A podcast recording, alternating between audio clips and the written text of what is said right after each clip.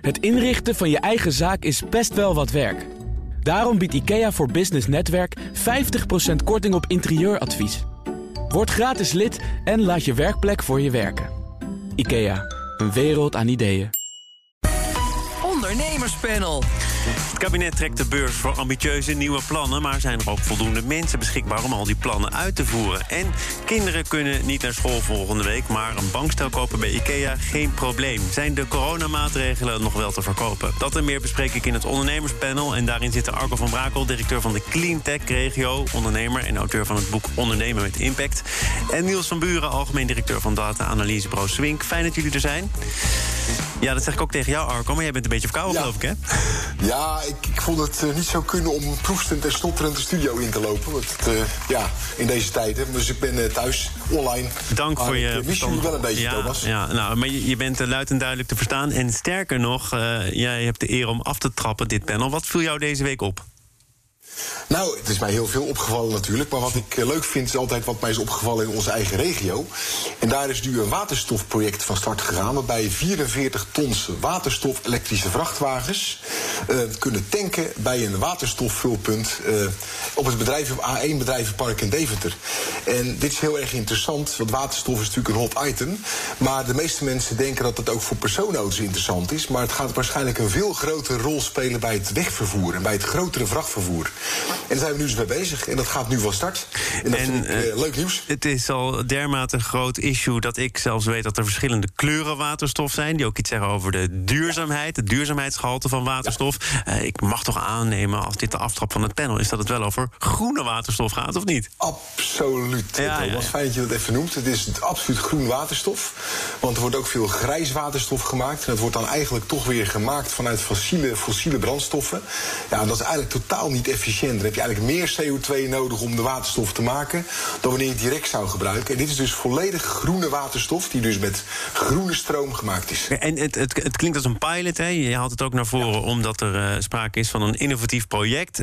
Mocht nou blijken dat die trucks eh, minder ver komen of dat hun prestaties lijden onder de brandstof, waterstof dat daar dan getankt wordt, wat dan? Kan dat überhaupt nog? Nou, wordt dat gemeten? Ja, nou nee, het wordt gemeten, want TNO zit in het project. En ehm, die meten dus inderdaad de prestaties van de trucks. En die worden vergeleken met alternatieven die er ook zijn. Dus het is ook een wetenschappelijk onderzoek. Dus het is niet alleen maar dat we gaan werken. Overigens is eh, Vos Transport is erbij betrokken. Hè. Het is een heel groot transportbedrijf.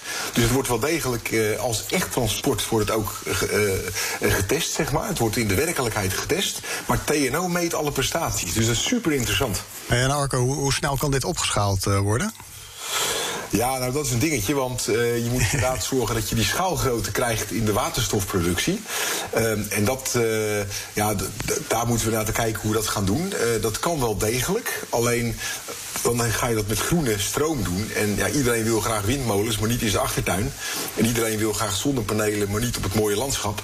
En dat zijn natuurlijk wel discussies die we aan moeten gaan. Dus ik vermoed dat we daar ook wel met offshore partners voor moeten gaan samenwerken. Dat is wat ik denk. Niels, jouw nieuws van deze week, nog los van alle grote nieuwsfeiten die we zo meteen gaan bespreken. Wat Yes. is jou opgevallen? Ja, eh, afgelopen dinsdag NOS. Online bestellen is vaak lastig voor slechtzienden. 40 keer op een toets drukken om uiteindelijk je bestelling te kunnen doen. Nou, het zal je niet verbazen dat ik met dit nieuwsitem kom. Hè, want je weet, we onderzoeken heel veel websites op digitale toegankelijkheid.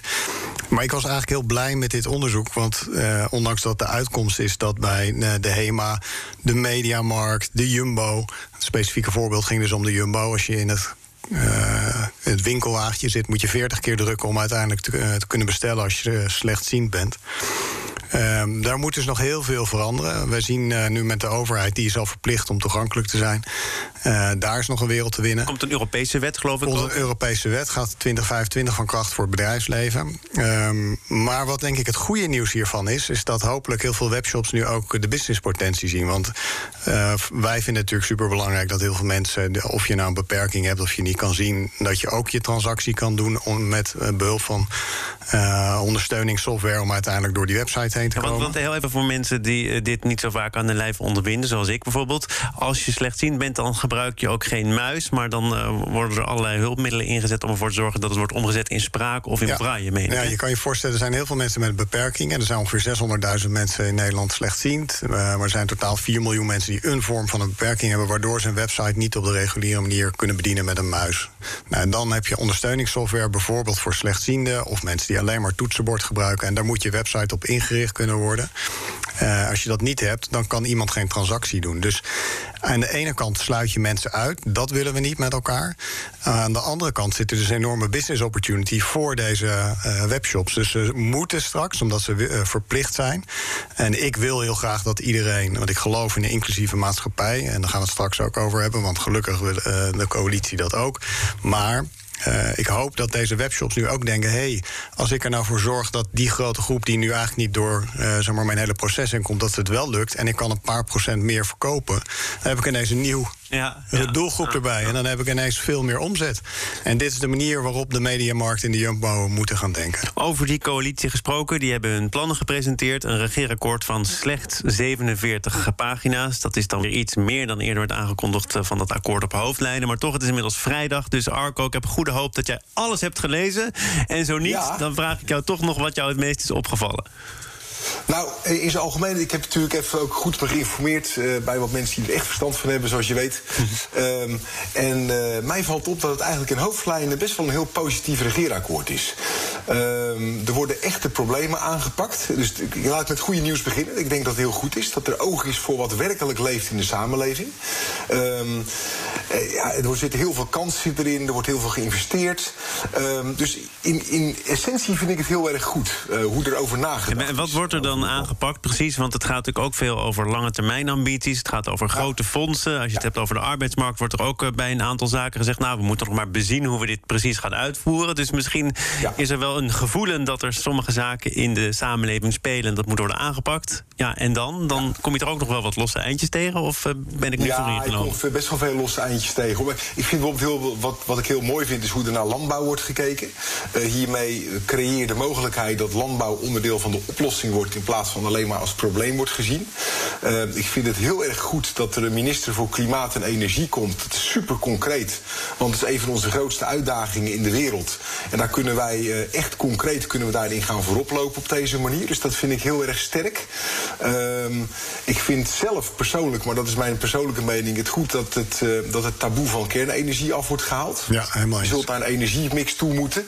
Eh, maar er zijn ook mensen die er anders over denken, hoor. Dat vind ik persoonlijk. Ehm, wat ik minder goed vind, eh, en daar heb ik ook eventjes wat over nagevraagd... is dat het nog niet goed is doorgerekend. Hè? Het, het is niet duidelijk hoe dit allemaal verdiend moet gaan worden. Dat vind ik een zwak punt. Nee, dat schijnt nog wel te komen, Arco. Want ik, ik Ja, heb ook met wat ja, economen ja. gesproken. Die zeggen juist als je nog wat zaken ook laat voor het politieke debat. en de compromissen moet gaan sluiten met de Kamer. dan Exact. heeft het niet zoveel zin om tot achter de komma zaken te gaan doorrekenen. die nog eh, groots kunnen gaan veranderen. Klopt, want ik heb dus begrepen uit eh, redelijk betrouwbare bron... Hmm. dat er dus voordat de regeringsverklaring komt... dat er dan wel, een, eh, wel degelijk een doorgerekend verhaal ligt. En dat is toch, vind ik, wel een klein beetje nieuw elan. Want dat mee geeft namelijk ministers de ruimte om hun eigen plannen te maken... en die zelf door te rekenen, wat in het verleden wel anders ging. Dus dat vind ik echt wel een vernieuwing in de manier van werken... die mij opvalt vanuit leiderschapsperspectief. Dus dat is positief. Wat ik niet positief vind, is dat het MKB belangrijk wordt gemaakt met één zinnetje. Dus je zegt het is belangrijk in een zinnetje. En voor de rest komt het nergens in voor. Terwijl MKB is gewoon de ruggengraat van onze economie. En daar had echt meer aandacht voor mogen zijn in dit, eh, in dit eh, regeerakkoord. Zeker ook omdat er zo ontzettend veel aanknopingspunten zijn waar het MKB een rol in kan spelen. Dus dat vind ik het punt even beter. Ja, we komen nog op dat MKB terug. Niels, ik denk dat jij ook met een bijzondere blik naar dat regeerakkoord gekeken hebt. Ja, nee, zeker. Nee, je weet, we hebben een sociale onderneming. Dus ik kijk altijd met die sociale pet natuurlijk. En wat ik dan heel blij ben om te zien... is dat er een, eh, meer dan een zinnetje, maar zelfs een alinea is opgenomen... dat eh, de BVM geïntroduceerd gaat worden. Oftewel de maatschappelijke BV. En ik denk dat dat heel erg gaat helpen voor sociale ondernemers... voor impactondernemers. Wat is het idee van die BVM, die aparte titel? is eigenlijk een aparte rechtsvorm creëren voor eh, ondernemers die dus een sociaal probleem oplossen. En daar zou je kunnen denken aan fiscale stimulering, aan net een iets andere statuten. Eh, Maar zou je daaraan kunnen denken? Of staat er dan in die alinea ook al iets over? Waarom zouden sociale ondernemingen gebaat zijn bij een een aparte rechtsvorm? Uh, onderscheidend vermogen ten opzichte van uh, uh, andere bedrijven. te laten fiscale voordelen zou je er eventueel mee, mee kunnen reguleren. Um, en ik lees het zo dat die er gaat komen. Dus het is geen voornemen meer. Kijk, hier is al heel lang over gesproken. Ja, zeker. dus ik ben blij, blij dat het En er in komt. het, het regeerakkoord staat natuurlijk ook heel braaf dat het zaak is dat zoveel mogelijk mensen kunnen meedoen in de Ja. samenleving, maar toch ook zeker op de arbeidsmarkt. Ja. Eh, jullie werken zelf met mensen met autisme. Ja. Ehm, wat wordt daar concreet over gezegd? Nou ja, ik heb daar nog, eh, eh, nog niet heel veel concreet over gelezen. Ik lees alleen op het, het verhaal op hoofdlijnen. En ik heb er ook op iets andere manier naar gekeken. Ik heb gekeken van hoe, reageert, eh, zeg maar alle, hoe reageren alle partijen hier nou op. Hè? De VNO, NCW's, de MKW Nederlands. En dan valt mij op dat iedereen eigenlijk overwegend heel positief is. En dat er een paar kritische noten zijn. Ehm, en ik ben blij dat er ook een aantal dingen opengelaten zijn voor nadere invulling. Net zoals Arco net vertelt. En ehm één groot kritiekpunt wat ik wel iedereen hoor noemen is van ja, hoe gaan we dat dan allemaal doen? Want ja, dit zijn de thema's en er zijn te weinig mensen. En die eh, te weinig mensen discussie, daar zie ik eigenlijk drie oplossingen, waarvan twee benoemd zijn eh, als op oplossingsrichting. Eh, meer eh, vrouwen aan het werk krijgen. Nou, daar moet de kinderopvang bij gaan helpen. En door die gratis te maken. Twee, arbeidsmigratie. Dus dat is ook geen taboe meer. Gaan kijken van hoe kunnen we werknemers uit het buitenland hier naartoe halen. Maar de derde, en die mis ik oprecht wel, is. Ja, dan kom weer natuurlijk bij mijn eigen punt. Hoe gaan we nou met die 800.000 mensen om. eh, die langs de kant staan, omdat ze een afstand tot de arbeidsmarkt hebben. die misschien wat extra begeleiding nodig hebben. En als we nou als werkgevers gaan kijken van. oké, we, we willen zoveel mensen.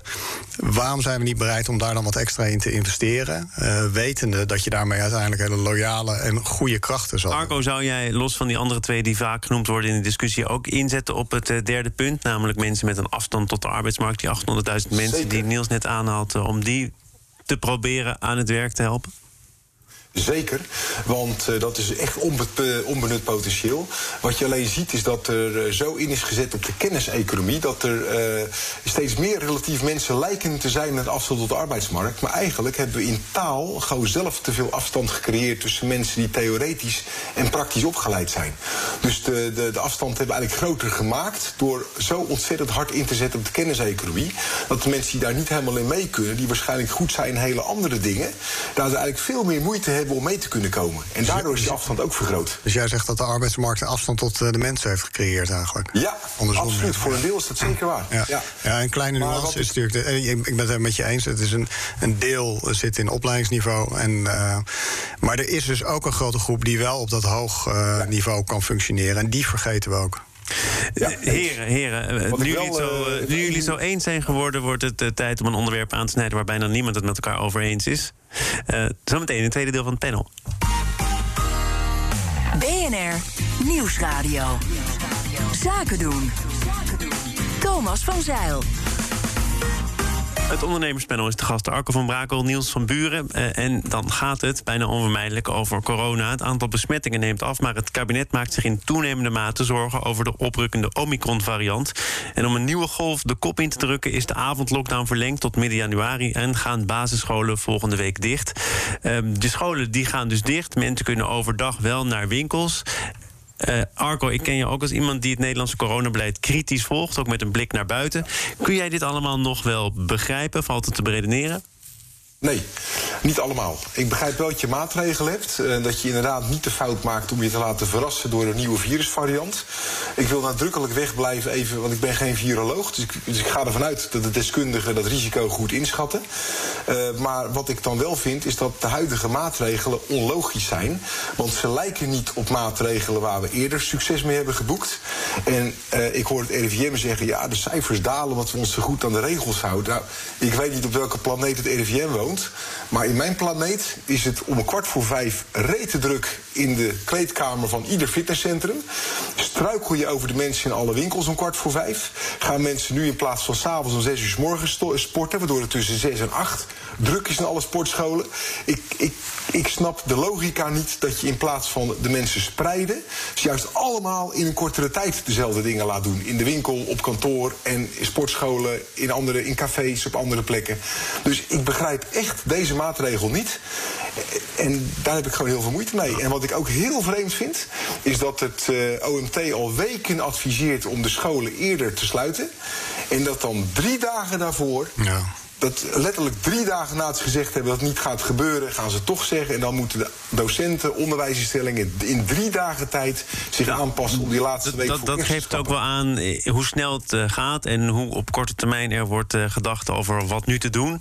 En dan is het onderliggende verwijt steeds meer. Waar blijft dan het lange termijn perspectief? Ja. Niels, er is nu wel door Hugo de Jonge al in wat min of meer hardere bewoordingen gezegd... nou, reken er maar op dat het misschien volgende winter toch ook weer uh, en dat ondernemingen zich daarop moeten aanpassen. Is dat dan een soort van lange termijn perspectief? Of wordt er nog een uitgebreidere strategie bij? Ja, dat is, dat is geen perspectief. Dat is, dat is een visie die je hebt en waar uh, mensen mening over, uh, over kunnen hebben. En ik ben het helemaal met hem eens. Ik denk dat dat ook zo is. Ik denk dat iedereen dat zich inmiddels wel realiseert. Hoe somber je er af en toe misschien ook van wordt. Maar dat betekent wel dat je als ondernemer daarop in moet spelen. En ik verwacht ook, en ik ben blij dat ze dat toegezegd hebben, dat in januari eindelijk een groep mensen aan de slag gaat van: oké, wat wordt dan onze strategie? Uh, maar hij schetst nu alleen maar iets van wat iedereen denk ik wel op zijn klompen aanvoelt. Nou, vorig jaar winter was nog de teneur dat als we eenmaal gevaccineerd zijn, dan hebben we deze variant eronder en dan rekenen we met corona af. Dus er is wel sprake van een soort ontwikkeling in zijn denken ook. Ja, oké, maar dat, dat, die ontwikkeling, dat bedoel ik niet lullig, maar die ontwikkeling hebben we allemaal. En dat was de kennis die we toen hadden. En, en toen keken we er zo naar en toen dachten we dat het opgelost zou zijn. En nu is de realiteit anders. En nu verwacht ik wel dat zij zeggen van oké, dit zijn de, de stappen die we moeten maken, want dit blijft voor langere termijn. En ik denk dat je van ondernemers mag verwachten dat zij al nadenken, al nagedacht hebben. Oké, als dit blijft, hoe, ga ik dan met mijn bedrijf? Als dit blijft, dan blijft in ieder geval niet op dezelfde manier de steun worden toegekend door de overheid. Want daarvan wordt ook. Eh, ook steeds meer gezegd: dit kan zo niet blijven duren. Het verstoort de economie. Ja. Uh, dat het is mentaal ook een probleem. Hè? Ondernemers uh, hebben mentaal nu gewoon problemen. Het is, het is, je ziet dat mensen murven zijn, dat ze, dat ze initiatief kwijtraken. Steeds meer mensen ziek en overspannen zijn, ook bij ondernemers. Ja. Um, je kan er niet meer op plannen. De overheid speelt de baas en doen ook inmiddels met een bijna achterlijke, achterloze nonchalance nemen ze de maatregelen. Omdat ze zelf ook murven zijn van de crisis. Um, ik denk dat het verstandig is om nu met elkaar te kijken hoe wij een modus kunnen vinden om ermee om te gaan en ons te verhouden tot deze pandemie. Want je weet gewoon, pandemieën duren altijd 3,5 jaar. Altijd drie volle winters. Dat is alle pandemieën is het altijd zo geweest. Uh, Spaanse griep, Mexicaanse griep, andere. Het is altijd, dus je kan daarop plannen. Maar we moeten, zullen ons ertoe moeten verhouden. En ik denk dat ondernemers hun protocollen best wel goed op orde hebben om veilig te kunnen ondernemen in coronatijd. We gaan naar dus een eh, grote Nederlandse onderneming, namelijk de HEMA. Streep door de rekening van de fanatieke fans. Het plan om via obligaties te participeren in het bedrijf gaat niet door. De stichting, het enige Nederlandse alternatief, HENA, laat weten dat het project van de baan is, omdat het wel erg ver afstaat van het oorspronkelijke idee. Ja. En dat oorspronkelijke idee was: we gaan een serieuze poging wagen om HEMA over te nemen, om ervoor te zorgen dat het in Nederlandse handen blijft. Toen volgde het plan om fans aandelen te kunnen bieden, en vervolgens werden dat leningen, obligaties. Kun je dan zeggen, Niels, inderdaad, van het plan dat er ooit was naar dit idee, dat is te ver van huis, we stoppen ermee? Ik denk, toen was het natuurlijk een geweldig initiatief idee. En toen was ook nog niet duidelijk dat uh, de familie van Eert uh, samen met Parkom dat zou, uh, zouden overnemen. Dus ik begrijp het in die context. En toen was het super mooi. Ik begrijp dat ze daar heel veel mensen toen voor op de been hebben gekregen. Maar als je dan nu kijkt wat het is, dan, ja, dan begrijp ik ook dat Van Eert en Parkom zegt van ja, wat moeten wij daarmee? Weet je, wij, wij, wij, hebben de tent overgenomen, wij runnen het nu, er is een toekomst voor HEMA. En als je de vraag stelt van ja, ik wil mijn publiek of mijn klanten betrekken bij uh, HEMA aan de besluitvorming, dan zou ik dat op een hele andere manier doen. Nou, op welke manier dan? Nou, dan zou ik zeggen van wat is de visie van HEMA? Weet je, waar wil, waar, waartoe is de HEMA op aard? Uh, wat willen wij verbeteren aan de wereld? En kijk hoe je dan je publiek en je, je medewerkers, of sorry, je klanten kan laten participeren in, oftewel in, in panelvorm. Zijn, ja, daar wordt nu over gesproken. Hè? HEMA laat die klanten niet zomaar in de kou staan. Nee, er komt een idee om klanten mee te laten praten over duurzaamheid. Daar wilde ja. HEMA graag over in gesprek met die klanten. Vind ik ook heel goed. Ja, dat vindt iedereen heel goed. Ja, terecht ook. Ja, maar, ja, en, en, dan? Ja. Ja, maar kijk, het initiatief, de, de vraag was eh, die je stelde van ja, hoe, hoe verhoudt dit zich maar, maar, tot het oorspronkelijke idee? En het oorspronkelijke idee had een heel ander doel. En het doel was om de HEMA te redden. En de HEMA is gered, godzijdank. Um, nou, en, nu, hè? en nu, ja, precies. ja, laten we wel zeggen. Ik ben ook blij dat we nog uh, ja, rompertjes kunnen kopen. Uh, maar, toch nog even Arco, want uh, de HEMA ziet dit zelf ook niet zitten. Dat hebben ze ook wel laten blijken. Want als je met obligaties gaat werken, dan moet dat via de beurs, de bedrijvenbeurs en exchange. En dan heb je ook weer te maken met financiële transparantie. Dan moet je iets zeggen over je resultaten. En dat was het helemaal allemaal niet waard. Is dat een begrijpelijke afweging? Nou, ik denk dat het. Uh, dat, nou, niet helemaal, want er zijn genoeg voorbeelden waarbij het wel kan. Je kunt met een. Uh, de NPEX is zo'n Nederlandse beurs waarmee je met certificaten via een stak, hè, Stichting Administratiekantoor, prima verhandelbare aandelen kunt, kunt verkopen aan particulieren. Maar ik denk dat er nog iets anders speelt: dat het een hele dure operatie is. Want je moet inderdaad gewoon meer rapporteren, je moet een extra administratie erop nahouden. En de marges zijn zo dun in de retail dat ik daar ook niet alle aandacht op zou zetten. Terwijl er ook gewoon een merk te redden is. En ik denk dat er ook hele mooie voorbeelden zijn om het anders te doen. Want ik denk dat Albert Heijn al sinds mensenheugenis een zegeltjesysteem heeft. Nou, je kunt nergens zoveel rendement halen als op de zegeltjes van Albert Heijn. Ik maak misschien nu een beetje reclame, maar nou. dat is zo verschrikkelijk slim. Ja, sorry, maar je krijgt 6% op die zegeltjes. 6%? Waar krijg je dat? 6%. Ja, ja, helaas. ja. Goed, is dat nog steeds Daar moet je op de beurs heel veel risico voor nemen, Thomas. Dus, uh, okay. dus het kan ook anders. Maar er zijn meer manieren om je klanten aan je te binden. Dus, en ik weet zeker dat ze daar wel uh, op, op uit zullen komen. Want daar zijn ze wel goed in hoor, deze ondernemers. Het uh, gaat in ieder geval niet meer sticht, via Stichting Hena. Want uh, dat laat via een brief weten zichzelf op 31 januari feestelijk op te heffen. Het doel is bereikt. Hema in goede handen. We zijn erg blij met de nieuwe strategie van Hema. Ik was ook blij met jullie bijdrage aan dit panel. Niels van Buren van Swink en Arco van Brakel. Directeur van de Cleantech Regio. Ondernemer en auteur van het boek Ondernemen met Impact. Dank. Tot de volgende keer. Zometeen wordt er gepitcht in dit programma. Een kleine update maakt een wereld van verschil. Daarom biedt IKEA voor Business Netwerk gratis snelle interieurtips en ideeën. Word gratis lid en laat je werkplek voor je werken. IKEA, een wereld aan ideeën.